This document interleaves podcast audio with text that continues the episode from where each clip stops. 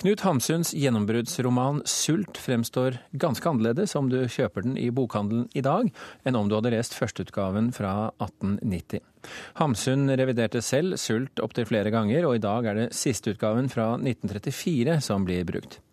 Men en nyutgivelse i Danmark har skutt fart i utgavedebatten. Avisen Informasjonen kaller utgivelsen en litterær skandale. For mens førsteutgaven er radikal i språk og innhold, er Hamsuns siste versjon snillere og mer konservativ. Reporter Thomas Alvarstein Ove orienterer.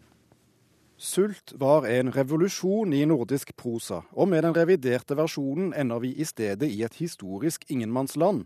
Det sier Jonny Kondrup, professor ved Universitetet i København og spesialist i utgavefilologi til avisen Informasjon. Han mener det er vanskelig å plassere sult i litteraturhistorien, når den er skrevet i én tid og revidert i en annen. Danske lesere har gjennom årenes løp blitt fortalt fremst i boken at det er 1890-versjonen de holder i hånden. Litteraturprofessor ved Universitetet i Oslo, Ståle Dingstad, oppdaget ved en tilfeldighet da han holdt et sommerkurs i Danmark, at det ikke kunne være tilfellet.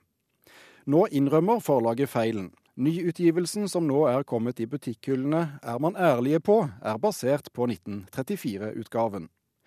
Redaktør Simon Pasternak i danske Gyldendal sier det er sedvane i forlagskretser å forholde seg til forfatteres siste versjoner når det foreligger flere.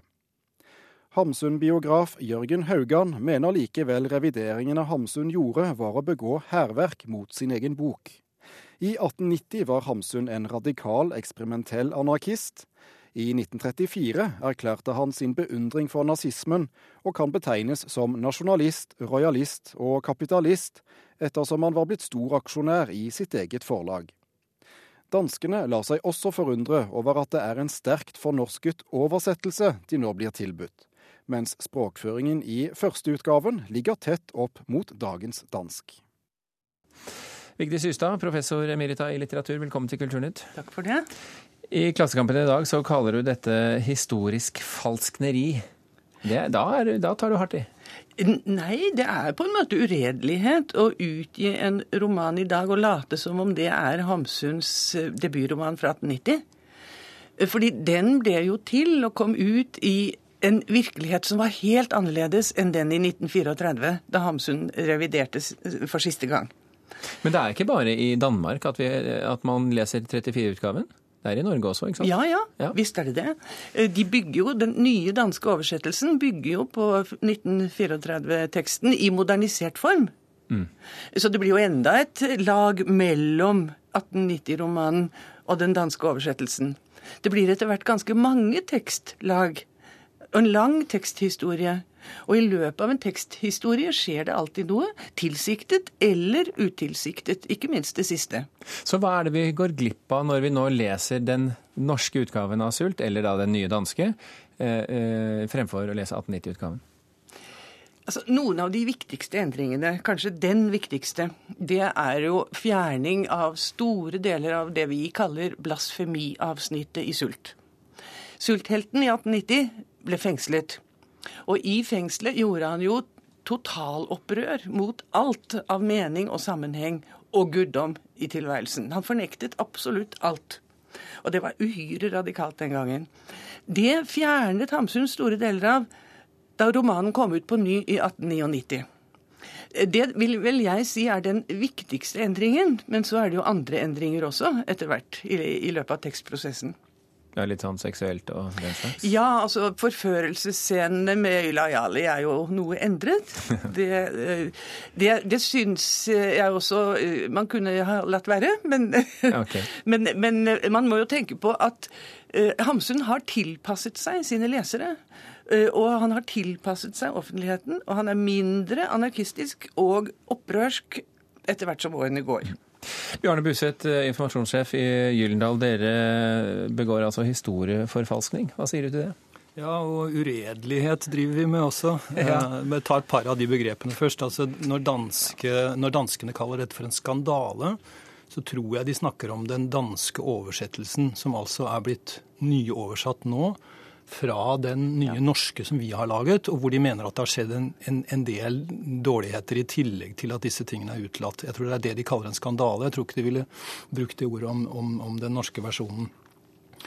Og så syns jeg det er sterkt å bruke av det siste uttrykket uredelighet, fordi det er ikke noen hemmeligheter rundt dette. Altså Vi forholder oss Den 1934-utgaven er altså den siste utgaven Hamsun redigerte selv. Og det er det prinsippet Gyldendal har brukt i sine, eh, den nye utgaven av samlede verker, som kom ut eh, i 28 bind, eller hvor mye det var. Et stort løft for forlaget fra 2007 til 2009. Men er ikke, er ikke du også enig i at det går en del informasjon, at det er en del informasjon på veien som forsvinner? Jo, absolutt. Altså, når det er sagt, så altså, Vi har altså brukt dette prinsippet. Og jeg personlig er, er helt enig i at det er mye frisk Hamsun som går tapt her. Men jeg har lyst til å si noe om hvor mye også, for hvis ikke så kan mm. lytterne tro at dette her handler om 100 sider eller noe sånt. Vi snakker vel om alt i alt eh, to-tre sider tekst som er borte, eller noe sånt. Ja. Men, men, det, er sentrale, altså det er sentrale utklipp av noe av den flotteste blasfemien som er skrevet noensinne. her, her, nå ser jeg for meg at det sitter lyttere over hele landet og, og, lurer på hva denne blasfemien er. Og jeg ser at du har med deg noe av denne skriften. Kunne du være brydd med å lese opp noen, noen, setninger som Ja, Hvis jeg får lov til det, så syns jeg det er flott prosa, jeg også. Ja, altså I 2013 så tror jeg vi tåler en del. Mm -hmm. Det var i hvert fall radikalt i, i, i 1990. Jeg sier deg jeg vil heller være lakei i helvete enn fri i dine boliger. Jeg sier deg, jeg er full av livsalig forakt for din himmelske usselhet, og jeg velger meg avgrunnen til evig tilhold, hvor djevelen Judas og farao er støtt ned. Jeg sier deg, din himmel er full av alle jorderikets mest råhovedidioter og fattige i ånden. Jeg sier deg, du har fylt din himmel med de fete, salige horer her nedenfra, som ynkeligen har bøyet kne for deg i sin dødsstund. Og sånn fortsetter det en side til. Ja, men, men, det er ganske friskt. Det som er igjen i den utgaven vi gir ut nå også, er, ja, men, er blasfemisk nok. Men det er mye moro som er borte her. Men, dette her, det, det er jo nesten noe bibelsk over det Ystad? stad? Ja, ja visst er det det. Men dette er jo et opprør mot Bibelen, delvis med bibelske virkemidler.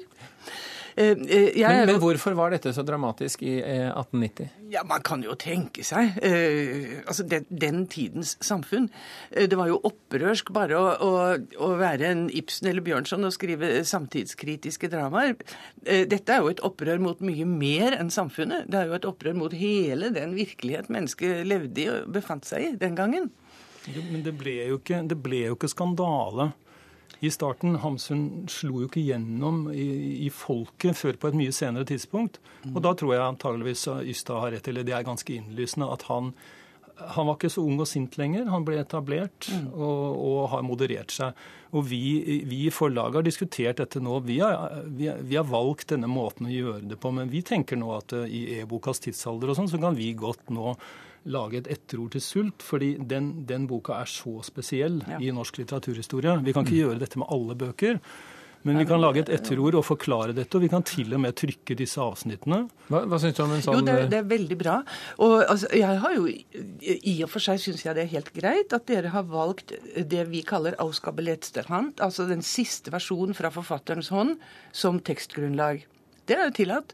Og det var jo det vanlige å gjøre i første halvdel av 1900-tallet for de fleste som ga ut ting på ny.